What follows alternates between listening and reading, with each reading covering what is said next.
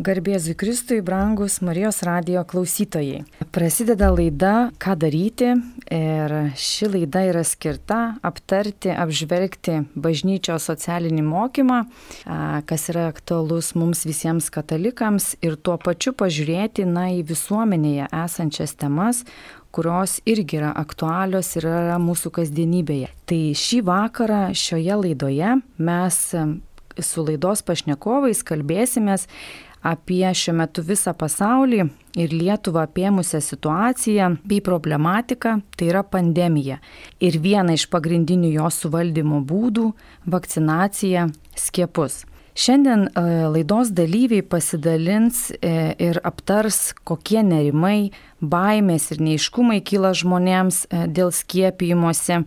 Bus diskutuojama, kokia yra ar turėtų būti tikinčio žmogaus laikysena šioje situacijoje ką apie tai mums kalba bažnyčios socialinis mokymas, tada su kuo susiduria Karitas organizacija, kuri yra kiekvieną dieną šalia įvairaus amžiaus ir įvairius sunkumus patiriančių žmonių, kas labiausiai neramina šiuo metu žmonės, kokie kyla klausimai, kur žmonėms trūksta atsakymų ir taip pat pasižiūrėti na, iš gydytojų darbo ir gydytojų a, situacijų su tuo, ka, su kuo jie susiduria, a, kad irgi atsakyti į žmonėms kylančius klausimus ir padėti na, sklaidyti tuos mitus ar, ar tą nerimą. Šiandieną laidoje m, dalyvauja du pašnekovai. Tai Lietuvos karito tarybos pirmininkas Arūnas Kučikas bei e, truputį vėliau prie laidos prisijungs Vilniaus universiteto ligoninės santaros klinikų infekcinių lygų centro vadovė, e, infekcinių lygų gydytoja, praktikė profesorė Ligita Jančorienė.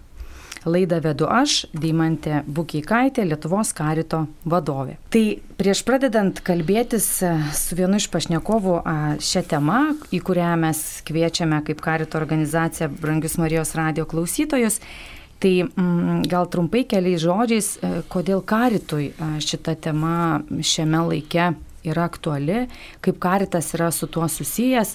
Na, karitas organizacija e, visą pandemijos laikotarpį tikrai pakankamai intensyviai buvo visuose reikaluose ir, ir šalia žmonių kiekvieną dieną. Ir labai natūralu, kad kai atsirado įvairios priemonės, būdai valdyti tą pandemiją, kovoti su tuo virusu, mus visus netikėtai ištikusio, atsirado karitas ir šalia vakcinacijos procesų. Ir, ir buvome pakviesti pačios vyriausybės prisidėti, organizuojant savanorio pagalbą ir jų prisidėjimą visose šiuose procesuose. Karitas organizacija tikrai nėra šios temos žinovai, mes negalim atsakyti klausimus, kurie yra susiję su virusų ir, ir, ir, ir pačia, pačiu virusu kaip infekcija su jo e, gydimu, šalutiniais poveikiais, tačiau mes galime ir esam kompetitingi, na, savanorių telkimo, savanorių pakvietimo a, procesuose, kadangi karito organizacija gyvoja savanorių dėka. Tai vad šiandien šioje laidoje mes ir dalinsimės tuo, su kuo gyvena karitas ir na, kaip mes prie tos vakcinacijos esame ir, ir, ir, ir kaip reaguoja mūsų globojami ir sutinkami žmonės, e, kas juos neramina. Ir Natūralu, kad Karitas organizacija, būdama šalia įvairių socialinių klausimų, socialinės politikos, socialinių temų, atsiliepia į visuomenėje esančius skaudulius ir, ir tada stengiasi prisidėti ir padėti ten, kur trūksta. O pandemija taip jau nutiko ir mūsų visus ištiko, kad na, iš labai skirtingų sričių tame tarpe ir, ir pati bažnyčia buvo pakviesta į prisijungti prie pačios pandemijos, na, ir suvaldymo, ir, ir tų iššūkių kilusių e, išsprendimo. Tai, mielas Arūnai, gal tada tiesiog, kaip jūs galėtumėte, kaip vertinate karito įsitraukimą į tokią veiklą, į vakcinacijos procesus, kadangi tikrai mes kaip karitas jaučiame na, įvairias nuomonės ir, ir nuotaikas visuomenėje, katalikų, tarpe pasvarstymus, ar, ar teisingų kelių karitas eina ir atsiliepia į, į tokį kvietimą. Tai, tai kaip jūs galėtumėte vertinti va, tokį karito organi, organizacijos įsitraukimą ypač kai yra bejojančių tokiu karito pasirinktų keliu ir na, atliepimu vat, šio laikinį tą laiko ženklą, nu, vat, visus ištikusią pandemiją. Tai gal dar irgi tokia maža e, trumpa įžanga, kad e, turbūt jau nemažai kas žino vis tiek apie karitą, bet e, noriu pabrėžti, kad karitas yra bažnyčios organizacija teikianti pagalbą žmonėms tiek tikinčių bendruomenėse, tiek, tiek, e, kaip mes sakom, tiesiog pasaulyje, visuomenėje. Ir e, kita vertus, karitas veikia ir socialiniam laukia, draugė su kitomis organizacijomis, esam to taip vadinamo ar nevyriausybinio, socialinio, socialinės pagalbos lauko dalyviai. Ir kaip organizacija mes e, remiamės bažnyčios socialinio mokymo principais, arba, tai paprasčiau tariant, tais principais e, ir tuo mokymu, kaip bažnyčia mano esant teisinga organizuotis visuomenė, organizuoti visuomenė, kas kokius vaidmenis turėtų vaidinti, kur kieno yra ribos ir panašiai. Tai būtent remdamasi pagrindiniais principais, e, kurie yra ir asmens toks centriškumas, personalizmas ir solidarumas ir bendrasis gėris ir subsidiarumas. Čia gal tokie pavadinimai yra sudėtingi, bet jie tokiai praktiniai veiklo iš tikrųjų skleidžiasi ir matosi, kaip jie skleidžiasi. Dar noriu pasakyti, kad tikrai gyvenam jau 30 metų, gyvenam, kūriam kartu e, e, gyvenam laisvoj demokratiniai šaly, tobulinam demokratiją, o tos sistemos yra ne tik asmens laisvės pagrindas, bet tai yra ir e, tokios visuomenės, kurioje mes ir Lietuvoje dabar gyvenam, kur valdžia nėra vienintelis lemiamas ir, ir vienintelis veikėjas taip sakant, kuris gali pasakyti visiems, ką daryti. Tam tikrais atvejais taip, bet iš tikrųjų laisvoji demokratiniai visuomeniai e, saveikauja atskiri sektoriai, tai valdžia turi savo uždavinius, e, tokius telkti bendram veikimui, nustatyti žaidimo taisyklės, kaip mes sakytume, e, paslaugų ir produktų gamyba užsima ūkinis sektorius, komercinis ar verslo, kaip pasakytume, kurie ir sako patys apie save, yra vieni iš didžiausių ir, ir, ir, ir darbo vietų, kurie, reiškia, veikia gana laisvai laikydamėsi bendrų taisyklių. Na, o tokiais e, visuomeniniais, telkiančiais piliečių angažavimo žmonių, angažavimo žmonių klausimų formulavimo iškelimo, saugumo e, reikalais ir, ir, ir, ir, ir pačių silpniausių grupių, e, pasižiūrėjimo jų pačių įgalinimu, e, rūpinasi pilietinis sektorius ar visuomeninis sektorius, visuomeninio organizacijų sektorius. Tai va būtent tie sektoriai valdžia, ūkinis, komercinis ir visuomeninis ar nevyriausybinis, jie tarp savęs saveikauja ir, ir turi kiekvieną savo užduotis, bet kartais atsitinka momentai, kuriuose reikia susitelkti visiems. Ir tada tu išeini iš savo specifinių uždavinių, kuriuos darai ir, ir žiūri dėl bendro reikalo, dėl tos visuomenės, kurioje gyveni šiuo atveju, sakysim, Lietuvos visuomenės, valstybės gyventojų. Ir būtent pandemijos laikotarpis e, pasirodė, labai aiškiai parodė, kad e, tai yra toks fenomenas, kurio mes po vieną atskirai savo šeimose, savo grupelėse, savo socialinėse tinkluose, atskiruose burbuluose, taip sakant, net savo giminių rate neįveikti neįveiksim. Net viena savivaldybė, nei viena šalis negali to įveikti pati savo savaime. Tai esam visi susijęti ir matom, kaip vieni kitiems perdavėm, kaip, kaip, kaip vieni iš kitų mokėmės, kaip galbūt matėm, kas vienur darosi, kiti spėjom, kitos šalis pasiruošti, kitos nelabai spėjom šalis pasiruošti, bandėm surasti bendras, bendras taisyklės ir, ir bandėm sutelkti bendrus resursus. Tai būtent pandemija yra toks momentas, kada e, visi, visos, visos jėgos buvo telkiamos, kad užtikrinti solidarumą, taip sakant, kad būtent paliūdyti, mes gyvenam, mes esam susijęti vieni su kitais ir tam tikrą prasme esam atsakingi vieni už kitus. Ir vat, būtent solidarumo principas yra vienas iš tų, kuris įpareigoja karitą ne tik užsimti tą veiklą, kur mums atrodo svarbiausia, bet taip pat prisidėti prie bendrų visai visuomeniai svarbių veiklų. Tai aš sakyčiau, kad kaip ir, kaip ir pandemijai prasidėjus mes tiesiog padidintą akim žiūrėjome norėjom ir norėjom pagelbėti žmonėm, kurie nukentėjo nuo pandemijos, ypač pažeidžiamom grupėm. Toliau padėjom įstaigom, įsitraukėm kartu su kitom organizacijom pagalbą globos įstaigom, ligoninėm su savanorių telkimu, kaip kitas etapas buvo, nors tikrai turėjom dar ir savo veiklų, kurias veikti. Ir va trečias toks įsitraukimo, sakykime, etapas, noriu pasakyti tikrai laisva valia, neverčiami, nespaudžiami nei valdžios, nei kokių kitų institucijų, tiesiog matydami situaciją, siekdami bendrojo gėrio, kuris yra kitas principas, reiškia mes e, įsitraukiam ir į vakcinacijos e, procesą, pagelbėti savanoriais ir padėti valdyti srautus tų žmonių, kurie jau apsisprendė, kurie nori vakcinuotis ir kurie nori pasinaudoti tomis galimybėmis. Tai gal vat, būtų tokia įžanga, kaip mes čia atsidūrėm, tikrai ne chaotiškai, ne spontaniškai, bet manydami, kad tikrai mes įgyvendam savo misiją ir, ir remdamėsi principai. Tai Arūnai tikriausiai galiu sakyti, kad a, atsakėm kaip organizacija į klausimą, ką daryti tokioje situacijoje ir, ir nedvėjodami atsiliepėm į, į kvietimą kadangi vakcinacija šiuo metu mes girdim vyksta tikrai ženkliai ir, ir, ir intensyviai ir išaugusiai. Ir, ir žmonės, viena dalis nori skiepijasi, kita dalis ir nemaža dalis yra dar dvėjojančių ir nežinančių, ką daryti. Dar yra viena dalis, kuri atsisako skiepytis, turėdami tam, tam tikrų argumentų ir, ir, ir man atrodo, kad visi turi tą laisvę pasirinkti mm. ir, ir kiekvienas žmogus turi tuos savo motyvus.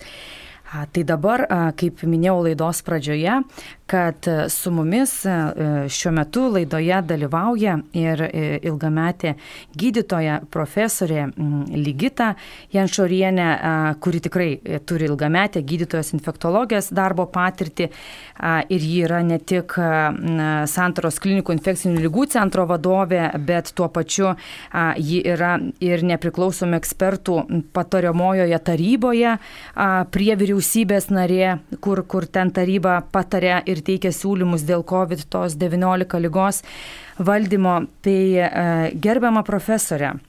Mes kaip karito organizacija dalyvaudami šiame procese su kitais partneriais iš nevyriausybinio sektoriaus, tai Raudonuoju kryžiumi ir e, Maltos ordino pagalbos tarnyba, stebim tą situaciją iš savo organizacijų veiklos sričių, girdim ir klausome žmonės, stengiamės įsiklausyti tuos jų kylančius nerimus, baimės, klausimus, padė, padedam ieškoti atsakymų, nes laidoje pradžioje minėjau, kad na karitas tikrai nesam šios temos žinovai.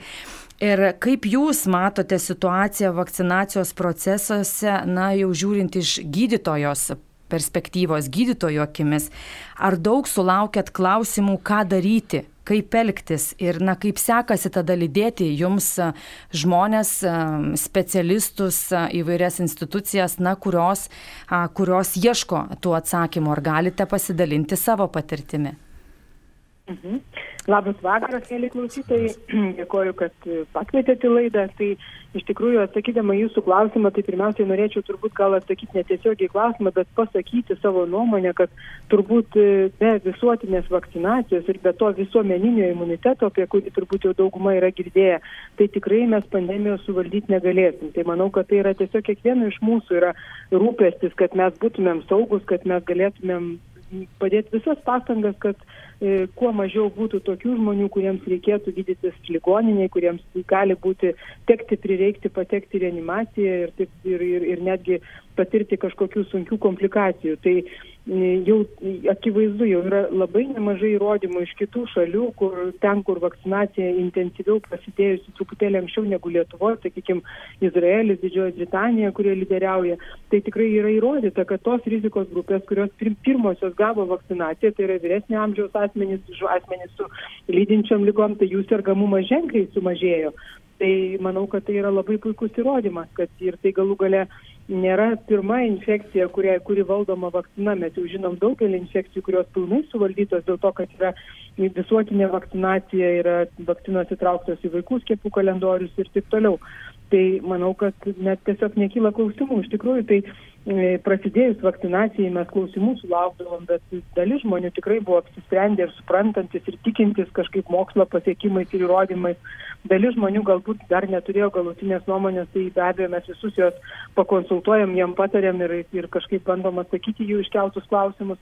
Galbūt sunkiausia yra su tais, kurie turi kažkokią kategorišką nuomonę. Nemanau, kad jinai tikrai labai pagrįsta būna, gal daugiau tiesiog iš principo, bet, nu, tai gerbėm ir jų nuomonę, bet manau, kad gyventi rizikoje visą laiką nesiskiepijus, nežinau, aš tai nenorėčiau, man labai sunku suprasti tokį asmenį.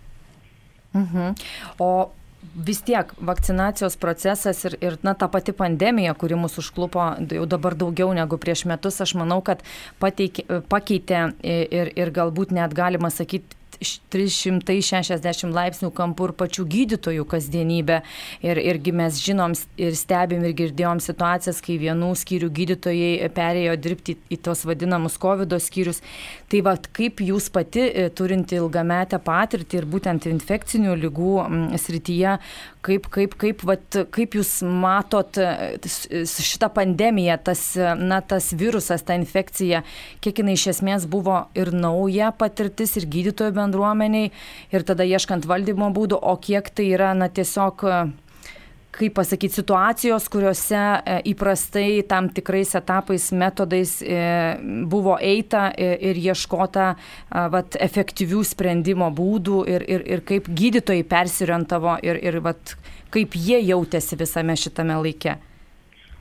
Nu, aš tai turbūt atsakyčiau infektologo, taip sakant, požiūrį akimis, tai man sunku matyti iš jūsų, iš redakcijos pozicijos, dėl to, kad na, iš tikrųjų mes esam pergyvenę pandeminio gripo pandemiją 2090 metais, puikiai prisimenam tūkstančius pacientus ir kaip valstybės skubos tvarka pirko papildomus dirbtinės ventiliacijos aparatus.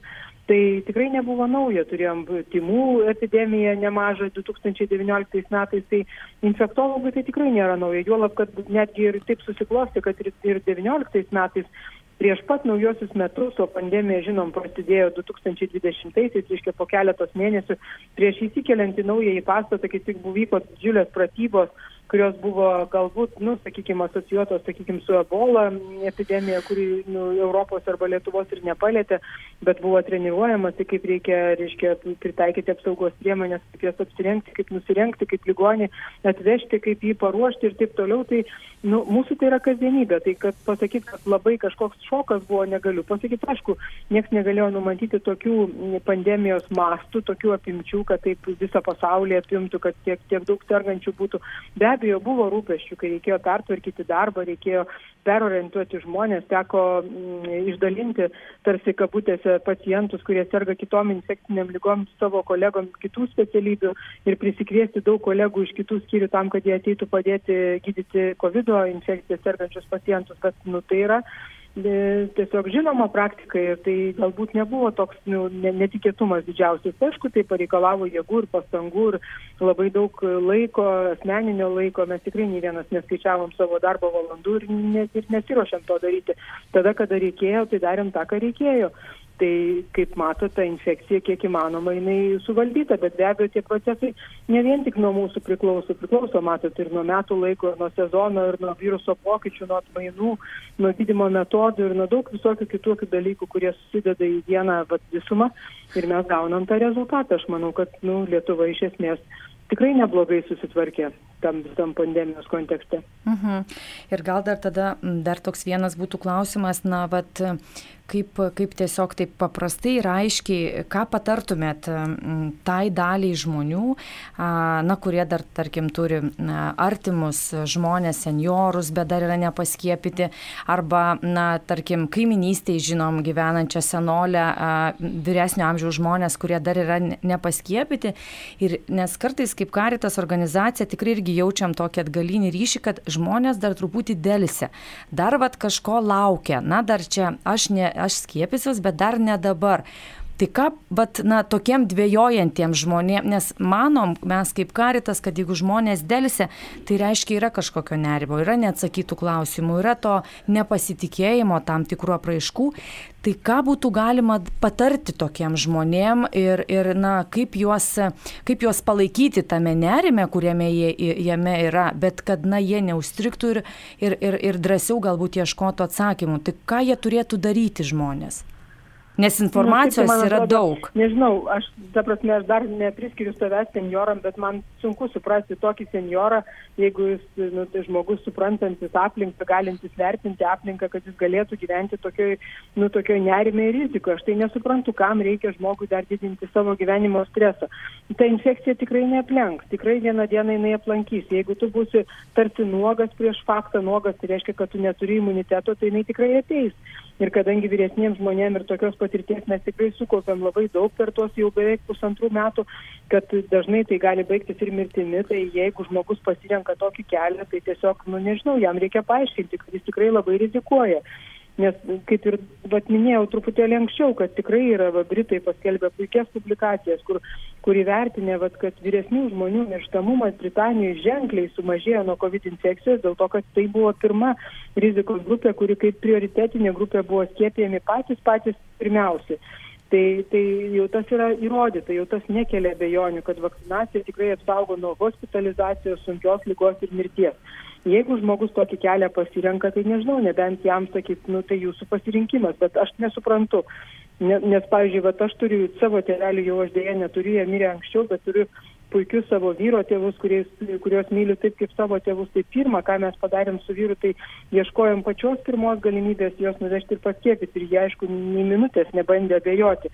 Ir, ir nuo to momento atskaičiavus po antro skiepo dvi savaitės mes jau galėjom visą šeimą susirinkti, kadangi mes jau buvom pasiskiepiję kaip, kaip medikai, tai, tai mes turėjom galimybę nu, turėti tos artimus žmonės, su jais pabūti tai aš nežinau, ar gali būti kas nors brangiau, kas nors geriau, kas nors labiau nu, tokio šilto ir vertintino. Tai jeigu tie žmonės nori gyventi atsiskyrėlišką gyvenimą visą laiką baimiai, mm, nu nepavydžiu tokiam gyvenimui, tai tiesiog taip ir paaiškinti. Mhm. Ir aš manau, kad vėlgi, na, natūralu, kad e, mūsų žmonėms kyla tie nerimai ir, ir galbūt a, ir ta žiniasklaida įvairios informacijos pateikia ir, ir tada žmonėm atsirinkti, ypač, pavyzdžiui, regionuose gyvenantiem, nutolusiem nuo centrų, kai žmonės sako, kad, na, manęs ir taip niekas neplanko, artimieji metus kartą atvažiuoja, tai gal tas virusas praeis. Tai tas žmonių, na, toks ir nepasitikėjimas, ir, ir dviejonės jos yra labai natūralios man atrodo, ir nuo mūsų tų gyvenimo aplinkybių, kuriuose mes gyvenam, ir nuo, nuo pragyventos patirties, nes girdim argumentus, kad žmonės dalinasi, kad ir, ir, ir karus pragyveno, ir, ir, ir, ir nebedaug jau liko šioje žemėje, ir iškeliausim pas viešpatį. Na, tai tų argumentų yra, bet, vat, kaip jūs irgi profesorą minit, matyt, reikia suprasti tokius žmonės ir, ir jeigu žmonės ieško atsakymų, tai būti tais, kurie galim padėti juos atsakyti, jeigu negalim patys, tai galim nukreipti. Ir man atrodo, arčiausiai žmonių, kurie kompetitingai galėtų atsakyti, padėti žmonėmi klausimus, sklaidyti dviejonės, yra šeimų gydytojai, kurie tikrai kompetitingai paaiškintų žmonėms ir atsakytų kilančius klausimus, nes tie klausimai susiję ir, ir, ir su šalutiniam lygom, ir, ir, ir, ir su alergijom, ir, ir visais kitais klausimais. Mm. Bar... Bet aš turbūt galėčiau, vat, jūs atsiprašau, kad galėčiau šiek tiek nutraukti ir pasakyti, kad net ir, vat, ir jūsų reportaže, kurį dabar mes turim, bet kartu, tai jūs per daug kartų pakartojat, kad jie nerimsta, jie bejoja. Nereikia to sakyti, nes nu kodėl? Nėra prieš parodymų. Absoliutus prieš parodymas tik alergija vakcinai. Tai nėra jokio prieš parodymo, neturi būti nerimo dėl šalutinių reakcijų, dėl ko, nes nėra tokių šalutinių reakcijų, dėl kurių negalima būtų skiepytis. Tai manau, kad reikia tiesiog nekartoti to, kaip mes dabar kartais naudojam tokį terminą neurolingvistinis programavimas. Jeigu tu šimtą kartų pakartoji, kad nerimas, baimė, bejonė, tai tas ir įsiskiepija, nes tų žodžių tiesiog neturim čia vartoti, nes jiems pagrindo nėra. Noriu pasakyti, kad tikrai vakcina yra saugi, yra įrodyta. Ypatingai geri įrodymai yra vyresnių žmonių populiacijai. Netgi visos šalutinės reakcijos, tokios kaip kūno temperatūros pakilimas, tos vietos, kuris skiepita vakcina, paraudimas, patinimas yra žymiai būdingesni jaunesniems žmonėms, kurių imunitetas yra reaktyvesnis. Tai kad nėra tokios, tokio pagrindo, tai ir nekartokim tų žodžių, nerimas, baimė, bejonė, jų nereikia. Nes tai tiesiog žmogaus apsisprendimas, arba žmogus priima tokį arba kitokį sprendimą. Bet aišku, mes išauklėti, kad žmogaus sprendimą reikia gerbti. Bet galbūt jam trūksta kažkokios informacijos, tai galima nuvažiuoti pakalbėti, jis gali paskambinti. Mūsų visų telefonai taip pat visą laiką viešai paskelbti, gali skambinti bet kas darbo metu ir, ir tie telefonai visą laiką pakeliami visus klausimus atsakoma. Tai jeigu žmogui nors koks yra interesas, jis tikrai informaciją gaus. Tai va, to pagrindo baimėm kažkokiam tai tikrai nėra ir dėl to manau, kad tiesiog nu, nereiktų to skiepyti to termino, kad jie turi dėl kažko abejoti. Aš manau, kad neturi abejoti. Turi, turi abejoti tik vienintelio dalyko, kad, kad ta prasme, kad jie turi gyventi su baime. Visą laiką gyventi su baime. Tai, va, tai nežinau, aš tokio gyvenimo tikrai nepavydėčiau ir neįsivaizduoju noro gyventi taip. Taip, bet matyti, tie mūsų gyvenimai yra labai skirtingi ir jie labai įvairiai klostosi, tai, na, tos situacijos ir yra tokios, kokios yra. Ir, ir sutinku um, su jumis, profesorė, kad, na, jeigu žmonėm kyla klausimų, tai reikia ieškoti atsakymų ir tada tikrai stengtis ir mum aplinkoje, savo aplinkoje girdint reakcijas, padėti į jas atsiliepti, nes man atrodo, kad didelė dalis žmonių, kurie dvėjoja, na, čia jau taip gaunasi, kad šioje laidoje girdisi tas žodis nerimas, nerimauja, reikia to nebijoti ir reikia tiesiog domėtis, ieškoti atsakymų, o mums, jeigu jaučiam, kad yra aplinkui žmonių, kuriem trūksta vienokios ar kitokios informacijos, ją suteikti, kantriai palidėti ir būti šalia. Ir man atrodo, vieni kitus palaikydami mes tikrai sėkmingai susitvarkysim su na, visą pasaulį ištikusią šitą pandemiją. Absoliučiai jums pritariu, netgi galvoju, kad turbūt didesnė problema yra tiem žmonėm užsiregistruoti skiepui, surasti, kur skiepijama, ten nuvažiuoti, patekti. Čia tikrai įsivaizduoju, kad kartais gali kilti žmogui problema, jeigu jis nevairuoja automobilio, jeigu jis vienas gyvena kažkur atskirti sodyboje ar kur, tai vad galbūt čia galėtų tikrai ir karitas, ir, ir kitos panašios nevyriausybinės organizacijos padėti. Tai manau, kad tikrai tai yra problema, galbūt kai žmogus neturi tų išmaniųjų technologijų, ne, neturi tinkamų tam priemonių, tai galbūt kiltų klausimas, aš nežinau, kur nuvažiuoti, į ką man kreiptis galbūt nėra lengva pasiekti šeimos gydytoją. Tai čia mes tikrai galim visi, visa bendruomenė tam padėti, nes, nes tai yra tiesiog mūsų pareiga. Taip, profesorė, mes tuo karitą susidurėm ir, ir tikrai irgi inicijuojam ir žmonių pavežimą, ir, ir palidėjimą, ir, ir netgi pakilimą laiptais į vakcinacijos centrą. Brangus Marijos radio klausytojai, tie, kurie šiuo metu prisijungėte, primenu, kad šiuo metu vyksta laida ką daryti, kurioje mes kalbame šiandieną, na, tokia visoje visuomenėje aktualia a, tema ir ne tik visuomenė, bet ir krikščionių a, bendruomenė aktualia tema - vakcinacija, na ir ta pandemija ir, ir tai ką daryti, a, kai, kai esam kviečiami a, įsitraukti į procesus, situacijas, na, e, kurios yra skirtos suvaldyti tam tikrą ekstremalią situaciją, šiuo atveju to COVID viruso pandemiją. Ir laidoje dalyvauja Lietuvos karito tarybos pirmininkas Arūnas Kučikas bei e, Vilniaus universiteto ligoninės Santaros klinikų infekcinių lygų centro vadovė, e, infekcinių lygų gydytoja, profesorė Ligita Jančiorienė. Tai mielas Arūnai, girdėjome mes pirmoje laidos dalyje apie pasidalinimą iš jūsų perspektyvos, na tai kaip vertina tą karito įsitraukimą, kaip tai yra susiję su atsiliepimu į bažnyčios socialinį mokymą, kokie tie principai yra mums svarbus. Tada laidos dalyvė profesorė pasidalino, kaip, kaip mato situaciją iš na, gydytojų akimis ir, ir gydytojų patirties, su kokiais klausimais, situacijoms susiduria profesorė dalinosi apie situacijas, kaip nereikėtų kelti vat, to nerimo klausimų ir, ir, ir abejoti, nes, nes tiesiog tai yra būdas suvaldyti situaciją, susitikti vieniems su kitais, pagaliau išeiti iš tų socialinių burbulų į, į aktyvesnį tokį pabuvimą su savo brangiai žmonėmis. Tai dabar antroje laidos dalyje vis tiek aš manau, kad dalis klausimų galbūt e, laidos klausytojams a, buvo atsakyta šiandieną, gal kažkurie pamastymai tam tikri paštrėjo arba laidos klausytojai turi kitokią nuomonę, na bet kyla reakcijos ir, ir, ir natūraliai, na, domimės ir, ir, ir keliam tuos vis klausimus. E, tai arūnai ir mes žinom, kad toliau vyksta vakcinacijos procesas. Mes matom skaičius, kiek šiuo metu yra iš viso žmonių vakcinuota, kokia ta situacija. Matom dalį seniorų, kurie dar dvėjoja, ar, ar rinktis tą skiepą ar ne. O ką daryti ir kaip galėtų, kokia galėtų būti mūsų, na, krikščionių laikysena šiame laike, į ką galėtume orientuotis. Kaip jums atrodo? Ta laikysena mūsų kaip krikščionių. Taip, tai e, aš gal daugiau truputį apie tai, ką, ką, ką pats svarstau, kaip pats esu svarstęs, gal tokios asmeninius ir pamastymus, į ką aš orientuojuosi kaip tikintis žmogus, kaip katalikas, tokiais atvejais, o šiuo atveju tai ir, ir, ir kalbant apie, apie pandemiją. Tai yra tais, tais, tais momentais, kada, kada man atrodo, kad nu, pačiam nėra taip lengva, nėra taip lengva priimti tokią greitą poziciją, gauti greitą atsakymą. Tai, vis tiek aš e, tikrai pasižiūriu ir, pas, ir seku ir, ir stengiuosi išgirsti e, bažnyčios poziciją. Įvairiais pačiais svarbiausiais klausimais bažnyčios pozicija gal ne taip greitai, bet iš tikrųjų pasirodo. Sako, jinai būna tokia tikrai E, apibendrinta, išryškinta jau ir, ir, ir, ir, ir rodanti tam tikrą kryptį, į kurią mes tikrai galim, į kurią aš pats jau tikrai matau ir, ir mėginu orientuotis. Tai čia šiuo atveju, sakysim, ir e, popiežiaus Pranciškaus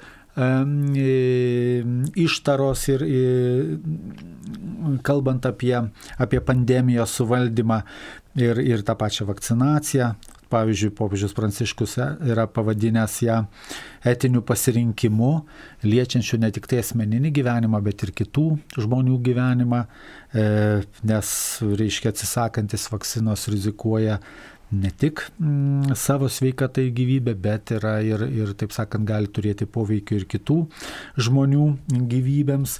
E, gana stiprus pasisakymas yra, arba nekartai užtara buvo apie e, bendrai tai kad, e, apie, tai, kad pavyko taip greitai sukurti vakcinas ir, ir, ir popiežius rūpinasi, kad jos būtų prieinamos pasaulyje, ypatingai, ypatingai tiems kraštams, kurie ekonomiškai nebūtų pajėgus tą, tą turėti, kurie nėra tokioje aplinkoje kaip mes, kad esam tokioje Europos Sąjungoje ir ne, nepriklauso vakarų, vakarų šalim ir, ir, ir, ir yra taip pat tokių stiprių ištarų, kad kad e, ragina popiežius pasaulio tautų bendruomenę suvienyti pastanga, pastangas įveikti vakcinų platinimo vėlavimus ir kad jos pasiektų visus ypač vargingiausių šalių gyventojus. Tai yra tikrai stipri pozicija. Ir e, iš mūsų Lietuvos viskupų e,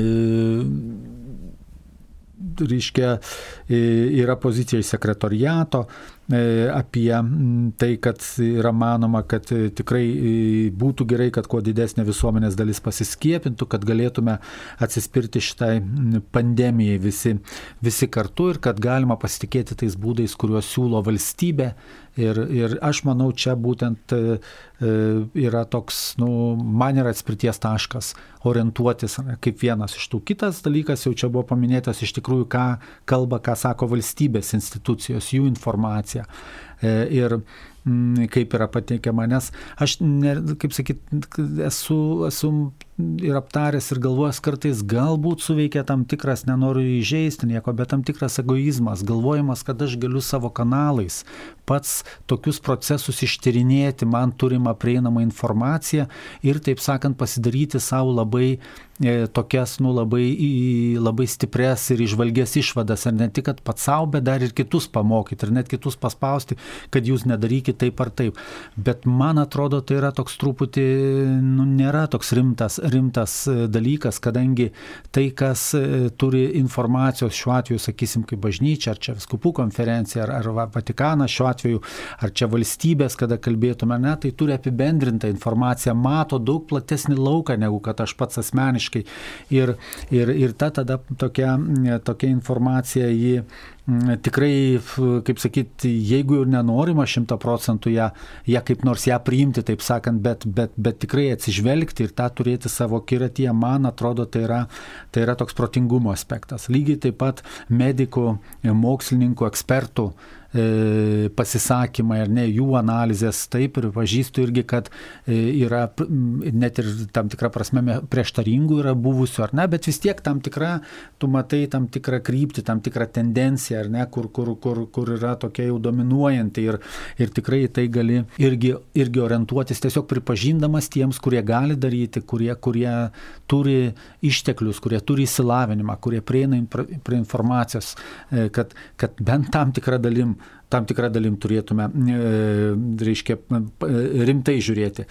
Žinoma, kalbuosiu su savo artimaisiais tokiais atvejais, ar ne, nes tai yra e, vienas dalykas apibendrinti, apibendrintas matymas, e, tendencijos ir taip toliau. Kitas dalykas kartais būna labai konkreti situacija ir aš tikrai suprantu, kad mano artimieji rūpinasi manimi, jiems yra svarbu, kaip aš jausiuos, kas su manim bus, kaip mes draugė gyvensim ir, ir, ir, ir juose dominuoja vienas noras noras, tiesiog, tiesiog rūpestis, rūpestis manimi. Tai aš tikrai stengiuosi kalbėtis, apsitarti ir žinoma įvertinti savo arba aptar savo, savo sveikatos e, būklę E, turbūt taip ir su savo gydytoja, savo šeimos gydytoja, tai kas mane irgi, taip sakant, žino mano, mano sveikatos būklę, tai e, šita, e, kaip sakyti, informacija arba šita, šitas aspektas irgi yra labai svarbus, jau einant labai konkrečiai.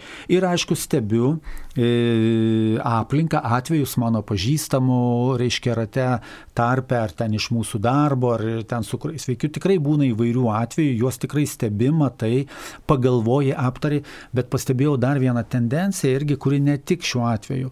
Kai susirenkam aptarti, ar tai būtų giminės, ar tai būtų kartais net ir bendradarbių ratas, ar kartais draugų ratas, tai labai neretai dominuoja nesėkmingos istorijos arba negatyvūs pavyzdžiai.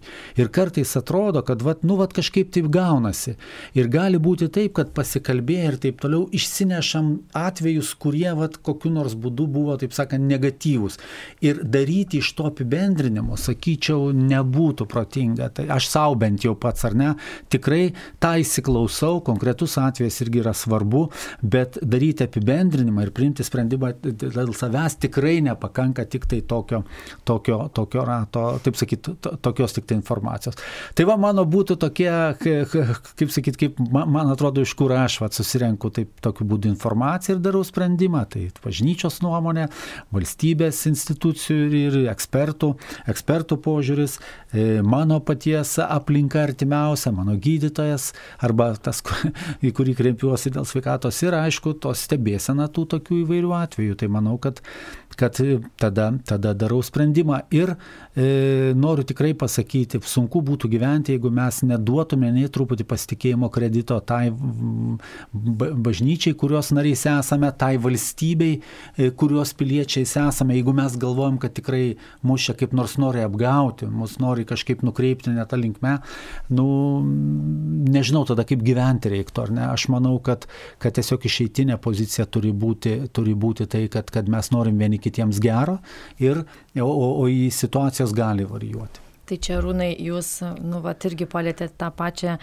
temą e, ir, ir tą pačią na, aktualią, kur ir profesorė minėjo, kad ne, neauginti savieto nerimo, neauginti savieto nepasitikėjimo, tos baimės ir tada matyti tai yra vienas iš receptų, būdų ar vaistų, tai pasitikėjimas avansu, situacija mokslo ekspertais, mokslininkais ir, ir tikrai žmonėmis, na, kurie artimiausio aplinkoje ir, ir, ir, ir žino e, daugiau informacijos, patikimos informacijos, negu kaimynas kaimynui kažką Taip. sakė arba kažkur kažkas girdėjo. Taip. Naturalu, kad e, tie skaičiai, kurie rodo, na, kiek mirė žmonių, Lietuvoje yra, man atrodo, dabar keli tūkstančiai, tai jeigu mes pagalvojam, ir aišku tai, kad ir, ir su skiepais tiesioginių reakcijų nėra, na, bet na, nuo COVID ir ten yra tų sutapimų tokių girdimų vienas kitas. Ir man atrodo, kad, na, visi pagalvoja apie tą vienetą. Ir jeigu būčiau, va, aš matyti, tai irgi yra, kas žmonės stabdo. Ir kaip yra tas posakis liaudyje, kad a, šaukštas deguto visą statinę pagadina, tai man atrodo, nu, va, yra to, kad tai yra susiję, kad tas išdidinimas vienos situacijos ir, ir, ir matymas tada jau visumos per tą mm. vieną nesėkmingą atvejį, aštresnę reakciją į skiepą, tada matyti suabsoliutina situaciją ir tikrai sunkiau pamatyti na, tą teigiamą pusę, pozityvą. Čia, čia kažkur buvau skaitęs, gal ir, ir jums teko, arba mūsų žiūrovas skaitė, kad man patiko toks visai palyginimas, tai tikrai ne mano mintis, kad, kad čia su, su šiuo atveju su pasiskiepimu tai yra toks lyg ir kaip civilinis, civilinis draudimas, e, reiškia automobilį, kai draudies, ar ne, kad avarijos gali neįvykti, bet, bet apsidrausti reikia, nes kai vyksta, ne, tada jau gali būti iš tikrųjų sunkiau. Tai čia irgi taip pat, ar ne, kai mes matom atveju, o mano labai artimas žmogus E, tiesiog yra medikas ir dirba skyriuje, medikė, e, reiškia, dirba ligoninėje ir skyriuje, kur, kur COVID ligonė neguli, tai, tai kiekvieną dieną susiduria su mirtim ir... Ir, ir su ta galima. Taip, avarija. ir tikrai tai nėra gripas, tikrai ir, ir, ir, ir jau ilgą laiką gydytojai dirba ir, ir iš tikrųjų turi renktis visą laiką tais, tais rūbais, apsirengti ir nusirengti ir, ir tie veidai užspausti ir ne, ne tik gydytojai, medikai turiu galvoj visi. Tai, tai kai mes to nematom ar ne, tai mes galim tai pasvarstyti gal vienaip, gal kitaip, bet, bet e, iš tikrųjų, sako ir dalis tikrai žmonių, kada paklausė, jau kai atveža, nesako vyresnio amžiaus žmonių, ar kaip, ar jūs, ar jūs skiepėtės, nu ne, nesiskiepėm, tai e, nes, nu kažkaip pasitarėm su vaikais, mes čia gal kažkur niekur neišeinam, gal čia mūsų ir, ir taip tada neužkrėstų viską, o po to, kai jau vyksta tas va, toks atvejs, ne, tada yra jau tikrai tada nu, tikrai sunku, o, o kaip sakyti, o suteikiama pagalba tik kaip ir turi būti šalyje visiems vienodai, ar ne, ar tu, ar tu bandėjai apsidrausti skiepytis, ar ne, vis tiek tu patekai, ne, ir, ir tu jau gauni tą visą pagalbą kaip, kaip, kaip, ir, kaip ir visi kiti. Tai, tai va tam tikras mm, Palyginimas. Palyginimas, ar, nu, taip ver, verta susimastyti, ar ne, kad, kad nu, nuo mūsų sprendimų priklauso šiek tiek tikrai. Taip. Gerbiama profesorė, tada vat, mes kaip karito organizacija na, susidurėme irgi su vienu iš, na, galbūt labiausiai vyresnio amžiaus žmonių tarpė vyraujančių tokiu nerimu arba dviejonė, na, ar skiepytis ar ne, kad šalutinės lygos ir tada reakcijos e, skiepo į e, ryšim su šalutiniam lygom. Gal tada, vat, keletų galit pasidalinti keletą minčių ar išvalgų va šioje vietoje, kai kokį atsakymą žmonėm galima teikti bendraja prasme dėl tų šalutinių poveikių ir, ir ryšio su šalutiniam lygom vakcina ir skiepo ar ką daryti žmonėm, kur tikslintis aiškiau pagal konkrečią lygą, kurią jie turi, na, kad dar aiškiau jiem būtų atsakyta į klausimus ir kad tos, na, dviejonės ir apsisprendimas galėtų būti kitoks nėra jokio sąryšio tarp šalutinių lygų ir šalutinių reakcijų. Ta prasme, kad kaip tik tie žmonės, kurie turi lydinčių lygų, širdies lygų, plaučių lygų, endokrininių lygų, kaip cukrinis diabetas, tai ar kepenų lygų, tai kaip tik jie yra pagrindiniai kandidatai, kurie turi skiepytis ir nėra jokio sąryšio tarp tarp tų lygų, kuriomis žmogus serga ir šalutinių reakcijų skiepą. Čia tiesiog yra neteisinga informacija, kurios irgi nereiktų taip pat kartoti, nes tai yra nu, visiškai nesuderinama su jokia, jokių loginių paaiškinimų. Netgi kaip tik vyresnių žmonių tarpe žymiai mažiau šalutinių reakcijų, kaip aš jau minėjau, ir prieš tai, kad yra jaunesniems žmonėms tos reakcijos žymiai dažniau pasireiškia. Taip kad nežinau, iš kur tas pagrindas kyla, nes tam nėra jokio tikrai pagrindimo ir jokio paaiškinimo. Ir nereikia aiškintis, kad jeigu aš sergu cukrinį diabetą, ar aš galiu ar negaliu skiepytis. Taip, jūs ne tai, kad galite, jūs tiesiog turėtumėte skiepytis, privalėtumėte skiepytis kad, kad jūs, ta prasme, pats gyventumėt ir kad jūsų šeima jumis džiaugtųsi ir skausmo savo artimiesiam nepadarytumėt, jeigu susirgsi, tai maniau, manau, kad tiesiog, nu, galbūt net savotiškas egoizmas, jeigu tu turi šeimą ir tu ignoruoji skiepus ir tu pasmerki visą šeimą dėl tavęs pergyvent, tai man atrodo, kad tai yra labai egoistiškas požiūris, tai tiesiog, o sąsajų tarp, tarp lydinčių lygų ir šalutinių reakcijų tikrai nėra. Ir profesorė tada jau visiškai prieartėjus laidai į pabaigą. Tai, na, va, iš jūsų mm, ilgametės praktinės patirties ir, ir, ir, ir, ir tikrai žinom, kad ir jūs pati, kai čia ta pandemija prasidėjo ir, ir tose, e, kaip čia, tose sunkiose ir, ir netgi karo lauko ligoninės zonose, COVID skyriuose, pati buvot su gydytojais ir, ir na, su ta visa apranga ilgą laiką teko būti ypač pradžioje ir, ir, ir dirbti įvairius darbus. Tai kaip, na, kaip jum atrodo, tai kokia turėtų būti tada laikysena visuomenės? jau kal, Arūnas truputį kolega pasidalino apie na, krikščionių laikyseną, o tada visuomenės laikyseną, na, vat, vakcinacijos procese, kuris tik įgauna pagreitį ir tikėtina, kad per visą vasarą tas intensyvumas toliau laikysis. Tai, nu, tai aš net nežinau, ką daugiau ir pasakyti. Tai be abejo, kad visuomenės pozicija turėtų būti suprantama tokia pat kaip ir visam pasauliu. Tai yra skiepytis ir tik tokiu būdu, kai mes pasiskiepysim maždaug 70-80 procentų gyventojų, tik tada mes galėsim pradėti valdyti pandemiją. Tai arba žmogus tą atsakomybę jaučia, arba jis jos nejaučia, tai pilietinė atsakomybė irgi tokia pat. Tai man atrodo nekyla klausimas ir visiškai nesvarbu, ar mes infektologai dirbam su kostiumais, ar, ar kiti dirba kitą darbą, kiekvienas darbas yra gerbtinas, tai kadangi iš tikrųjų infekcija plintanti lengvai, tai žmogus dirbantis gydytojas ar slaugytojas turi saugoti save tam, kad kitą dieną susirgus negalės ateiti į darbą ir nebus kam ateiti pas pacientą. Tai natūralu, kad mes dirbam su kostiumais, taip, taip turėtų būti ir tai yra visiškai normali būsena toj situacijai bet e, žmogui tai taip kaip ir visuomenė, taip ir kiekvienam tos visuomenės atskiram e, asmeniui, žmogui, gyventojui, tai yra nu, vienareikšmiškai, kad jis turėtų pasvarstyti, kas yra svarbiau ir jeigu jis įsivaizduoja, kad jis, nu, sakau, nori gyventi visą laiką nerime ir nori, taip sakau, skaudinti savo artimuosius, savo aplinką, tai vienas pasirinkimas, o kitas pasirinkimas tai yra eiti kartu draugiant, kartu su kitais ir, ir kai mes visi būsim pasiskiepiję, tai tuomet iš tikrųjų mes galėsim pradėti valdyti kažkiek tai procesą, kuris vyksta aplink mus. Tai yra tiesiog viruso plitimą. Rūnai, jūsų gal tada dar žodis laidos pabaigai, na, va, apie tą bendrąjį gėrį ir tą, pavadinčiau labai paprastai, bendradarbiavimą ir bendravimą vieniems su kitais, na, tokiuose situacijose, klausimuose, kurie iš vienos pusės mus kažkiek ir skiria, nes yra nuomonių įvairovė. Taip, tai aš vis tiek turbūt sakyčiau tas, kad solidarumo, kuriuos jau čia minėjom, tikrai, kad, kad e, solidariems būti, tai reiškia tikrai suprasti, kad esam susijęti vieni su kitais. Ir, ir e, esam mūsų, nuo mūsų sprendimo priklauso ir kitų, ir kitų, kitų žmonių, kitų aplinkinių žmonių situacija. Tai čia yra toks nu, rimtas klausimas apsispręsti.